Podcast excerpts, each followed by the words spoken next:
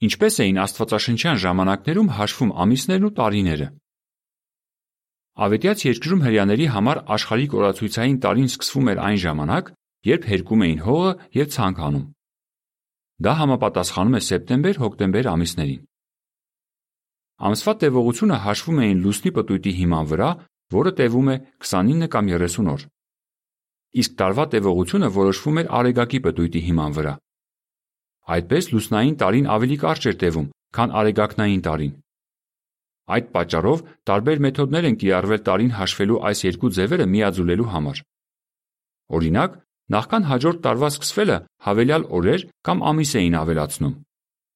Այդպիսի օրացույցը համընկնում էր ցանքի եւ բերքահավաքի սեզոնների հետ։ Բայց Մովսեսի ժամանակներում Աստված իր ժողովրդին ասաց, որ Սուրբ օրացույցային տարին պետք է սկսվի գարնանը, այսինքն Աբիբ Նիսան ամսից։ Այդ ամսին հрьяները տոնում էին գարու բերքը հավաքը։ Գիտնական Էմիլ Շյուրերը իր գրքում հետևյալն է ասում. Օր կամ ամիս ավելացնելու կարգը շատ པարզ էր։ Պասեքի տոնը, որը նշվում էր Նիսան ամսին, լիալուսնի օրը, Նիսանի 14-ին, պետք է միշտ լիներ գառնանային գիշերահավասարից հետո։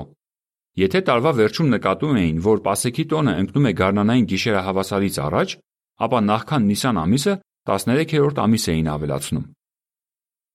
Եհովայի վկաները հետևում են այս կարգին, երբ որոշում են, թե որ օրն է հարկավոր նշել Տիրոջ ընթրիքը, որը տեղի է ունենում գարնանը եւ համապատասխանում է հրեական օրացույցի Նիսանի 14-ին։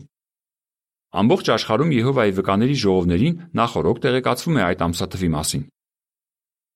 Իսկ ինչպես էին հрьяաները իմանում, թե երբ է ամիսը վերջանում եւ երբ է սկսվում մյուսը։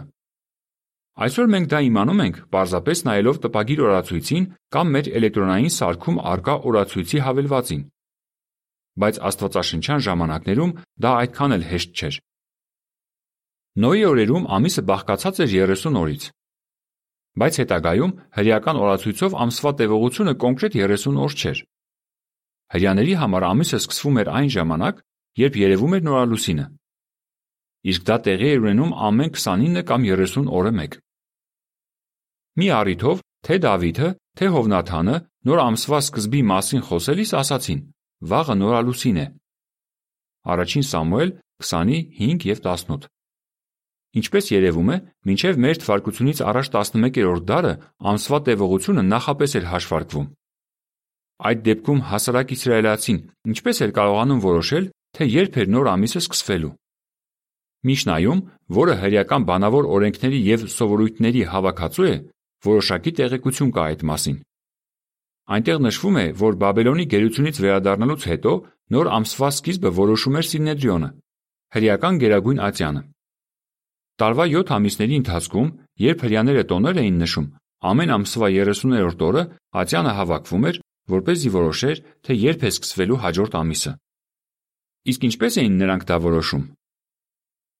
Ողջ Երուսաղեմով մեկ բարձրադիր գոտիներում նշանակվում էին տղամարդիկ, ովքեր գիշերը դիտում էին երկինքը, որպեսի տեսնեին, թե երբ է հայտնվելու նորալուսինը։